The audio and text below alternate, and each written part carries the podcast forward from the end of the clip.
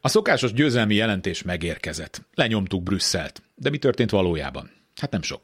A szabadon felhasználható több ezer milliárd euró továbbra sem jön, változatlanul szigorú feltételekhez kötött, még ha jóvá is lett hagyva formálisan. Mint az Európai Tanács írja, a Magyarország által eddig elfogadott korrekciós intézkedések jelentős hiányosságokkal küzdenek, amelyek komolyan veszélyeztetik a jogállamiság elveit, ezért a tanács úgy véli, hogy az unió költségvetését érintő kockázat továbbra is magas. A kohéziós forrásoknál csak 6,3 milliárdot blokkolnak 7,5 helyett. Ilyen.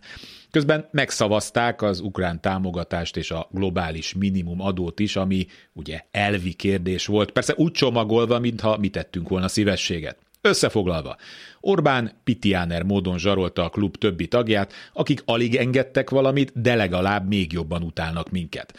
Orbán Viktor személye természetesen ebben itthon nem jelenik meg, a jó király ma bejelentette a 15%-os nyugdíjemelést több mint 40%-os átlagos élelmiszerinfláció mellett. Akinek ma Magyarországon van némi megtakarítása, az amiatt aggódik, hogy miként válik semmivé vagyona ilyen árrobbanás mellett, Akinek nincs, az nem bánkódik, csak simán kétségbe van esve, mert döntenie kell, vagy eszik, vagy fűt. A gazdaság kilátásait most nem vázolom, megtette nemrég Matolcsi György úr.